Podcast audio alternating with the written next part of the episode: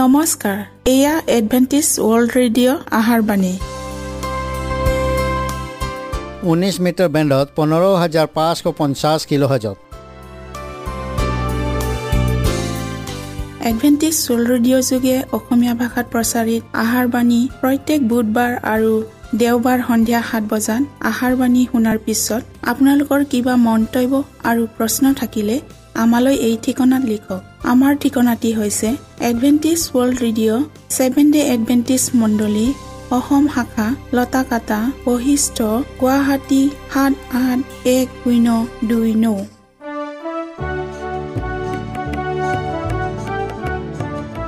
প্ৰিয় শ্ৰোতা বন্ধুসকল এতিয়া শুনো আহক এটি খ্ৰীষ্টীয় ধৰ্মীয় গীত।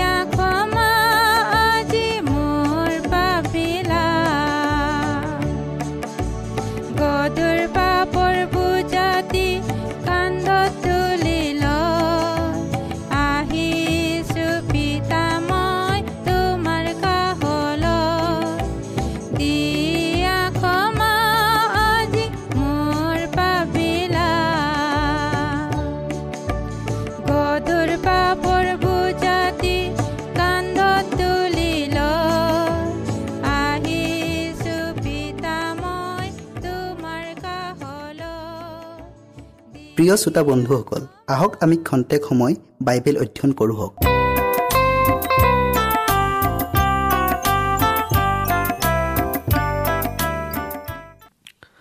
আজিৰ আমাৰ বিষয়টি হ'ল ঈশ্বৰৰ চিনক স্বৰ্গদূতে পঢ়িব পাৰে। প্ৰকাশী বাক্য সাত অধ্যায়ৰ দুই আৰু তিনি পদ। পাছে জীৱনময় ঈশ্বৰৰ চাপ লৈ সূৰ্য উদয় হোৱা ঠাইৰ পৰা উঠি অহা আন এজন দূত দেখিলোঁ। তেওঁ বৰ মাতেৰে ৰিঙিয়াই পৃথিৱী আৰু সাগৰত হিংসা কৰিবলৈ ক্ষমতা পোৱা সেই চাৰিজন দূতক ক'লে আমি নিজ ঈশ্বৰৰ দাবিলাকৰ কপালত চাপ নামাৰো মানে তোমালোকে পৃথিৱী বা সাগৰ বা গছবোৰক হিংসা নকৰিবা। আমি প্ৰাৰ্থনা কৰি লওঁ হওক। হে অনুগ্ৰহৰ দাতা প্ৰভু তোমাৰ অনুগ্ৰহৰ দ্বাৰা এই সুন্দৰ আবেলিত আমি আকৌ লগ পালোঁ। ধন্যবাদ প্ৰভু তোমাৰ অনুগ্ৰহ আৰু আশীৰ্বাদৰ বাবে। হে প্ৰভু এতিয়া তুমি আমাৰ লগত থাকা আৰু পবিত্ৰ আত্মা দান কৰা। বিষয়টিলৈ জানিবলৈ আমাক জ্ঞান আৰু বুদ্ধি দিয়া। এই চুটি যাচনা ত্ৰাণকৰ্তা যীশুৰ নামত খুজিলোঁ। আমেন। পৃথিৱীত থকা প্ৰতিটো বস্তুৱে স্থায়ী নহয়। দেহবোৰ এতিয়া ক্ৰোধিত হৈ আছে আৰু এক মহা বিশ্বযুদ্ধৰ বাবে প্ৰস্তুতি চলাই আছে। এখন দেশ আন এখন দেশৰ বিৰুদ্ধে জ্বৰ যন্ত্ৰত লিপ্ত হৈছে। সেইদৰে এখন ৰাজ্য আন এখন ৰাজ্যৰ বিপক্ষে থিয় দিছে। ঈশ্বৰৰ মহাদিন সঁচাকৈয়ে ক্ষিপ্ৰগতিত আগবাঢ়ি আহিছে। কিন্তু যদিও দেশসমূহে যুদ্ধ আৰু ৰক্তপাত কৰিবৰ বাবে শক্তি গোটাইছে তথাপিও সম্পূৰ্ণ পৰিস্থিতি এতিয়াও স্বৰ্গদূতগণৰ নিয়ন্ত্ৰণত আছে।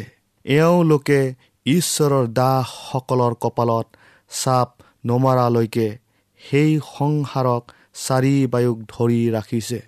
এই চাৰি বায়ুক ধৰি ৰখা সময়তে ঈশ্বৰৰ দাসসকলৰ কপালত চাপ মৰা কাম সম্পূৰ্ণ কৰা হ'ব।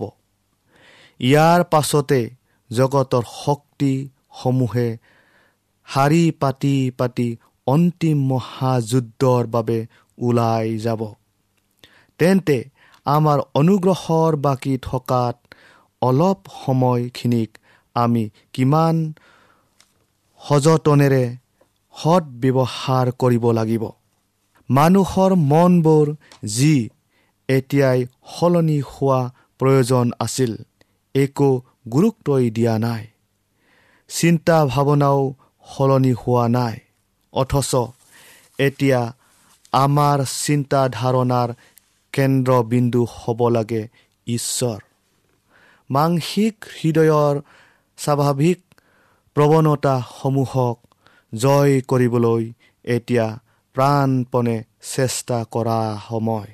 মহাক্লেশত সুমোৱাৰ ঠিক প্ৰাক মুহূৰ্তত আমি জীৱন্ত ঈশ্বৰৰ চাপ লাভ কৰিম। তেওঁৰ লোকসমূহৰ কপালত দিয়া জীৱন্ত ঈশ্বৰৰ চাপটোনো প্ৰকৃততে কি বাৰু? এয়া এনে এক চিন যাক স্বৰ্গদূতগণৰ বাহিৰে কোনো মানুহৰ চকুৱে পঢ়িব নোৱাৰে। কাৰণ সংসাৰক দূতে উদ্ধাৰৰ এক চিন দেখা পায়। এই চিন পোৱা জনৰ কোনো ক্ষতি নকৰিব। প্ৰভুৰ তুলনীয় পজিৰ বা পোৱা সকলৰ গাত বুদ্ধিমন্ত মনে সেই কালবাৰীৰ ক্ৰোচৰ চিন দেখা পালে। ঈশ্বৰৰ বিধান ভংগ কৰাৰ পাপবোৰক আঁতৰাই নিয়া হ'ল। তেওঁবিলাকৰ গাত বিয়াৰ সাজ আছে আৰু তেওঁবিলাক ঈশ্বৰৰ বিধানৰ প্ৰতি বৰ বাধ্য আৰু অতি বিশ্বাসী। যিসকলে সত্যতা জানিও তেওঁবিলাকৰ মুখৰ কথা আৰু হাতৰ কৰ্মৰে তেওঁৰ বিধানৰ প্ৰতি বাধ্য নহয়। প্ৰভুৱে তেওঁবিলাকক কেতিয়াও ক্ষমা নকৰিব। জিহিচকেল বিছ অধ্যায়ৰ বাৰ পদটো আমি আকৌ পঢ়োঁ হওক। ইয়াৰ বাহিৰে মই যে তেওঁবিলাকক পবিত্ৰ কৰোতা যি হোৱা। তাক তেওঁবিলাকে জানিবৰ নিমিত্তে মোৰ আৰু তেওঁবিলাকৰ মাজত এটি চিন হ'বলৈ মোৰ বিশ্ৰাম দিনবোৰ তেওঁবিলাকক দিলোঁ। যেতিয়া ইজৰাইলসকল মিছৰৰ পৰা ওলাই আহি জগতৰ কানন দেশত প্ৰৱেশ কৰিছিল তেতিয়া যেনেকৈ ইজৰাইল জাতিটোক চিনাক্ত কৰিবলৈ বিশ্ৰাম দিনটো এটা চিন আছিল। তেনেকৈ এতিয়া ঈশ্বৰৰ লোকসকল জগতৰ পৰা ওলাই আহি স্বৰ্গীয় বিশ্ৰামত প্ৰৱেশ কৰাত ঈশ্বৰৰ লোকসকলক চিনাক্ত কৰিবলৈ বিশ্ৰাম দিনটোৱে এটা চিন হ'ল। স্বয়ং নিজে এক বিশেষ সংৰক্ষণ কৰিবলৈ আৰু তেওঁৰ ৰাজকীয় বিষয়বোৰৰ আৰু তেওঁৰ বিধান উলংঘন কৰাবিলাকৰ মাজত থকা পাৰ্থক্য বিচাৰি উলিয়াবলৈ ঈশ্বৰে অভিষেক কৰা বিশ্ৰাম দিন পালন কৰাই এটা উত্তম উপায় হ'ল। বিশ্ৰাম দিনৰ অধিপতি অৰ্থাৎ প্ৰভু হ'ল স্বয়ং কৃষ্ট যিহেতু তেওঁৱে সকলোকে সৃষ্টি কৰিছিল তেওঁৱে বিশ্ৰাম দিনকো সৃষ্টি কৰিছিল। তেওঁৰ দ্বাৰাই ইয়াক সৃষ্টি কাৰ্যৰ স্মৃতি চিহ্নৰূপে পৃথককৈ ৰখা হৈছিল। এই বিশ্ৰাম দিনেই তেওঁক সৃষ্টিকৰ্তা আৰু পবিত্ৰকাৰী বুলি আঙুলিয়াই এই বিশ্ৰাম দিনটোৱে ঘোষণা কৰিছে যে যিজনাই স্বৰ্গত আৰু পৃথিৱীত থকা সকলোকে সৃষ্টি কৰিছিল আৰু যাৰ দ্বাৰা সকলোকে নিয়ন্ত্ৰণ কৰি ৰখা হয়। সেইজনাই মণ্ডলীৰো মূৰ অৰ্থাৎ মুৰব্বী আৰু তেওঁৰ একমাত্ৰ শক্তিৰেহে আমি ঈশ্বৰৰ লগত পুনৰ মিলন হ'ব পাৰিলোঁ। ইজৰাইল কওঁতে তেওঁ এইদৰে কৈছিল মই যে তেওঁবিলাকক পবিত্ৰ কৰোতা যি হোৱা তাক তেওঁবিলাকে জানিবৰ নিমিত্তে মোৰ আৰু তেওঁবিলাকৰ মাজত এটি চিন হ'বলৈ মোৰ বিশ্ৰাম দিনবোৰ তেওঁবিলাকক দিলোঁ। আৰু কৃষ্টই যিসকলক পবিত্ৰ কৰিলে তেওঁবিলাক সকলোকে এই বিশ্ৰাম দিনটোক দিয়া হ'ল। কাৰণ এই বিশ্ৰাম দিনটো কৃষ্টৰ শক্তিৰে যে আমাক পবিত্ৰ কৰিলে তাৰ এটা চিন। তেওঁৰ পবিত্ৰকাৰী শক্তিৰ চিন হিচাপে যিসকলে কৃষ্টৰ মাজেৰে ইজৰাইলৰ ঈশ্বৰ যি হোৱাৰ অংশীদাৰ হ'ল তেওঁবিলাক সকলোকে এই বিশ্ৰাম দিনটো দিয়া হ'ল। কৃষ্টৰ সৃষ্টিকাৰী আৰু উদ্ধাৰকাৰী শক্তিৰ চিনৰূপে যিসকলে বিশ্ৰাম দিনটোক গ্ৰহণ কৰিলে তেওঁবিলাকৰ কাৰণে আনন্দদায়ক বিষয় হ'ব। ইয়াত তেওঁবিলাকে কৃষ্টক দেখা পায়। তেওঁবিলাকে নিজেই তেওঁত আনন্দিত হ'ব।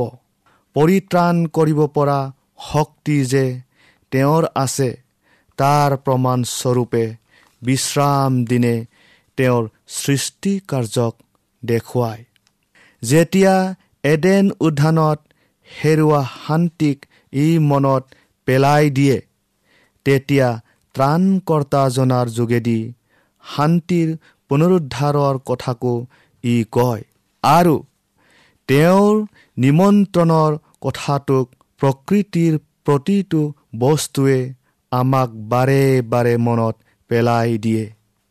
সেই পৰিশ্ৰান্ত আৰু ভাৰাক্ৰান্ত লোকসকল মোৰ ওচৰলৈ আহা মই তোমালোকক জিৰণি দিম।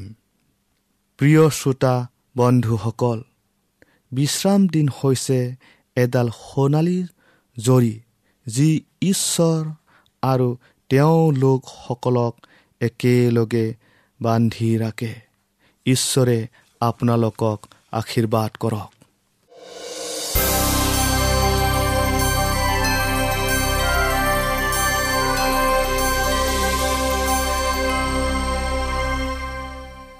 আমাৰ আজিৰ বিষয়টি হ'ল ঈশ্বৰৰ কাম শেষ হ'ল। বাইবেল পত্তি লোৱা হৈছে মঠি চৌব্বিছ অধ্যায়ৰ চৈধ্য পদ। আৰু সকলো জাতিলৈ সাক্ষ্য হ'বলৈ ৰাইজৰ এই সুবাৰ্তা গোটেই জগততে ঘোষণা কৰা হ'ব। তেতিয়াহে শেষ হ'ব। আমি প্ৰাৰ্থনা কৰোঁ হওক। স্বৰ্গত থকা জীৱনময় গৰাকী ঈশ্বৰ জেহুৱা ধন্যবাদ প্ৰভু তোমাৰ অনন্তকলীয়া আশীৰ্বাদৰ বাবে। প্ৰভু এতিয়া আমি যি বিষয়টিলৈ অধ্যয়ন কৰিবলৈ আগবঢ়াইছোঁ তুমি আমাক সেই বিষয়টিলৈ বুজিবলৈ জ্ঞান আৰু বুদ্ধি দিয়া। প্ৰত্যেক শ্ৰোতাৰ লগত তুমি পবিত্ৰ আত্মাৰ যোগেদি থাকা আৰু হৃদয় স্পৰ্শ কৰি দিয়া। যীশুৰ নামত খুজিলোঁ। আমেন। এই অতি পবিত্ৰ সতৰ্ক বাণীটোক অতি ভয়ংকৰ ঠাইবোৰত আৰু দুৰ্ঘৌৰ পাপেৰে পৰিপূৰ্ণ চহৰসমূহত আৰু প্ৰতিটো চুকে কোণে য'ত তিনি তৰপীয়া বাণীটোৰ পোহৰ এতিয়াও পৰা নাই। তেনেবোৰ ঠাইত প্ৰচাৰ কৰিবই লাগিব। মেৰ পোৱালীৰ ভোজৰ নিমন্ত্ৰণ সকলোৱে শুনিব লাগিব। চহৰে চহৰে নগৰে নগৰে এখন দেশৰ পৰা আন এখন দেশলৈ বৰ্তমানৰ সত্যতাক প্ৰচাৰ কৰিবই লাগিব। মাত্ৰ বাহিৰৰ আৱৰণেৰে নহয় কিন্তু ভিতৰত থকা আত্মাৰ শক্তিৰে। ঈশ্বৰৰ অনুগ্ৰহৰ নতুন শক্তিৰে এই বাণী প্ৰতিখন দেশ আৰু প্ৰদেশলৈ নি বিলাই দিব লাগিব। যেতিয়ালৈকে সত্যতাই পৃথিৱীখনক মেৰিয়াই নলয়। প্ৰতিটো জাতি ভাষা আৰু পৈদৰ পৰা অহা অনেকে জীৱনময় ঈশ্বৰৰ চাপ পাব। প্ৰতিখন দেশৰ পৰা মুনি তিৰোতাসকল ওলাই আহিব। আৰু ঈশ্বৰৰ সিংহাসনৰ আগত থিয় হৈ মেৰ পোৱালীৰ সন্মুখত এইদৰে ৰিঙিয়াই ক'ব পৰিত্ৰাণ সিংহাসনত বহি থকা আমাৰ ঈশ্বৰ আৰু মেৰ পোৱালীৰহে প্ৰকাশিত বাক্য সাত অধ্যায়ৰ দহ পদত কৈছে। ঈশ্বৰৰ সত্যতাৰ মহিমাৰে সমুদায় পৃথিৱী আলোকিত হ'ব লাগিব। এই পোহৰ সকলো দেশ আৰু মানুহৰ মাজত জিলিকি উঠিব লাগিব। আৰু এয়া সেইবিলাক মানুহৰ দ্বাৰা সম্ভৱ হ'ব যিসকলে এই পোহৰ লাভ কৰিলে আৰু স্বয়ং নিজেই তৰাৰ দৰে জিলিকি থাকে। আমাৰ ওপৰত দিনৰ তৰা জিলিকি আছে আৰু আমিও ইয়াৰ জ্যোতিক আন্ধাৰত কেপিয়াই থকা সেই লোকসকলৰ পথৰ ওপৰত বিলাই দিব লাগিব। এই মুহূৰ্তত আমাৰ মাজত এটা সংকটে দেখা দিছে। পবিত্ৰ আত্মাৰ শক্তিৰ দ্বাৰা অন্তিম দিনৰ মহান সত্যতাক এতিয়াই প্ৰচাৰ কৰিবই লাগিব। সকলোৱে ইয়াক শুনি যেন কিবা এটা সিদ্ধান্ত ল'ব পাৰে। তাৰ বাবে ইয়াক প্ৰচাৰ কৰাত আমি বিলম্ব কৰা অনুচিত। তাৰ পাছতহে শেষ দিন আহিব। প্ৰথম দ্বিতীয় আৰু তৃতীয় স্বৰ্গদূতৰ বাণীত থকা সত্যতাক সকলো দেহ জাতি ভাষা ফেইট আদিৰ মানুহবিলাকৰ মাজত প্ৰচাৰ কৰিবই লাগিব। ই প্ৰতিখন দেশৰ অন্ধকাৰ আঁতৰাই পোহৰিত কৰিবই লাগিব। আৰু এই বিয়পি দ্বীপসমূহৰ পৰা সাগৰলৈ বিস্তৃত হ'ব লাগিব। এই কাৰ্যত যেন বিলম্ব কৰা নহয়। আমাৰ লক্ষ্য সদায় আগলৈ আগবাঢ়ি যোৱা। সদায় আগবাঢ়ি যোৱা। আমাৰ পথ সমান কৰিবলৈ আমাৰ আগে আগে স্বৰ্গদূতগণ গমন কৰিব। সমুদায় পৃথিৱীখন প্ৰভুৰ মহিমাৰে আলোকিত নোহোৱা পৰ্যন্ত আমাৰ কাণ্ডত ওপৰত যি ভাৰ পৰিছে তাক যেন পেলাই নিদিওঁ হওক। মিকা এক অধ্যায়ৰ দুই আৰু তিনি পদটো আমি আকৌ চাওঁ হওক। সেই জাতিবিলাক তোমালোক সকলোৱে শুনা। সেই পৃথিৱী আৰু তাত থকা সকলো কাণ পাতা। প্ৰভু জিহুৱা তোমালোকৰ বিৰুদ্ধে সাক্ষী হওক। প্ৰভুৱে নিজ পবিত্ৰ মন্দিৰৰ পৰা সাক্ষী হওক। কিয়নো চোৱা যি হোৱা নিজ ঠাইৰ পৰা ওলাইছে তেওঁ নামি পৃথিৱীৰ উচ্চ স্থানবোৰৰ ওপৰেদি গমন কৰিব। ইয়াতে সেই সংকটৰ বৈশিষ্ট্যটোক প্ৰকাশ কৰা হৈছে। মানুহৰ অনুগ্ৰহৰ কাল অন্ত পৰাৰ ঠিক প্ৰাক মুহূৰ্তত শেষ আৰু মহাপৰীক্ষা উপস্থিত হ'ব। যেতিয়া মানুহ পৰিৱৰ্তন হোৱা বিষয়টো ইতিমধ্যে যথেষ্ট পলম হৈ যাব। দেশসমূহক এতিয়া ঈশ্বৰে জুকি আছে। পৃথিৱীৰ ইতিহাসে প্ৰতিটো শতিকা অতিক্ৰম কৰি যোৱাৰ লগে লগে দুষ্ট আৰু অসৎ কৰ্মকৰ্তাসকলে নিজলৈ সেই ক্ৰোধ আৰু কোপ সাঁচি জমা কৰি আহিছে। আৰু যেতিয়া সিহঁতৰ এই অধাৰ্মিকতা পৰিপূৰ্ণ হৈ ঈশ্বৰৰ কৰোণাৰ সীমা চেৰাই যাব তেওঁৰ ধৈৰ্যৰ বান ছিঙি যাব। যেতিয়া সিহঁতৰ পাপৰ সমষ্টিৰে স্বৰ্গৰ হিচাপ ৰখা পুস্তকখন পৰিপূৰ্ণ হ'ব তেতিয়া সেই ক্ৰোধ উপস্থিত হ'ব। দয়াহীন মিহলি নোহোৱা ক্ৰোধ আহিব আৰু তেতিয়া এইটো দেখা যাব যে ঐশ্বৰিক ধৈৰ্যৰ বান ছিঙি পেলোৱাটো কিমান ভয়ংকৰ কথা। এই সংকটটো সংঘটিত হ'ব সেই সময়ত যি সময়ত দেশসমূহে ঈশ্বৰৰ বিধানক ব্যৰ্থ কৰিবলৈ একত্ৰিত হ'ব।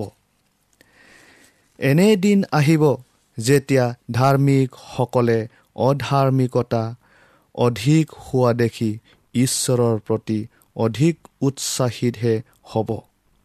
ঐশ্বৰিক শক্তিৰ বিনে ছয়তান আৰু দুষ্ট মানুহৰ সন্মিলিত মই মতালিত দৃষ্টি থকা অসম্ভৱ হ'ব। কিন্তু মণ্ডলীৰ সবাতোকৈ বিপদসংকুল মুহূৰ্তত তাইৰ বাবে বিশ্বাসী অৱশিষ্ট লোকসকলে অতি বিনম্ৰতাৰে প্ৰাৰ্থনা কৰিব আৰু ঈশ্বৰে তেওঁবিলাকৰ প্ৰাৰ্থনা শুনিব আৰু বিধান ভংগকাৰীসকলৰ ওপৰত আকাশ চুলে গৈও তেওঁ বিশ্বাসীসকলৰ প্ৰাৰ্থনাৰ উত্তৰ দিব। যিসকলে তেওঁলৈ দিনে ৰাতিয়ে বিননিৰে প্ৰাৰ্থনা। তেওঁ সেই নিজৰ মনোনীতসকলক প্ৰতিদান দিবলৈ অধাৰ্মিকসকলক প্ৰতিফল দিব। যদিও তেওঁ ইমান দিনে সিহঁতক মৰম কৰি শাস্তি দিয়া নাছিল। প্ৰিয় শ্ৰোতা বন্ধুসকল হয়তোক নকলটোৰে সলনি কৰা কাৰ্যটোৱে নাটকৰ অন্তিম দৃশ্য হ'ব। এই সলনি কৰা কাৰ্য যেতিয়া বিশ্বজুৰি হ'ব তেতিয়া ঈশ্বৰে নিজকে প্ৰকাশ কৰিব। যেতিয়া ঈশ্বৰৰ বিধানতকৈ মানুহৰ নিয়মক উচ্চ স্থান দিয়া হ'ব যেতিয়া এই জগতৰ শক্তিয়ে সপ্তাহৰ প্ৰথম দিনটোক পালন কৰিবলৈ মানুহৰ ওপৰত বল প্ৰয়োগ কৰিব। প্ৰিয়সকল তেতিয়া জানিব যে ঈশ্বৰে কাৰ্য কৰাৰ সময় উপস্থিত হ'ল। তেওঁ আপোন মহত্বত উঠিব আৰু ভীষণভাৱে পৃথিৱীখনক জোকাৰি দিব। জগতৰ নিবাসীসকল সিহঁতৰ অধাৰ্মিকতাৰ বাবে শাস্তি দিবলৈ তেওঁ নিজ ঠাইৰ পৰা ওলাই আহিব। পৃথিৱীয়ে তাইৰ গাত লাগি থকা তেজ দেখুৱাই দিব আৰু হত্যাকাৰীজনে নিজকে লুকুৱাবলৈ ঠাই আৰু বিচাৰি নাপাব। ঈশ্বৰৰ অনুগ্ৰহ আপোনাৰ লগত থাকক।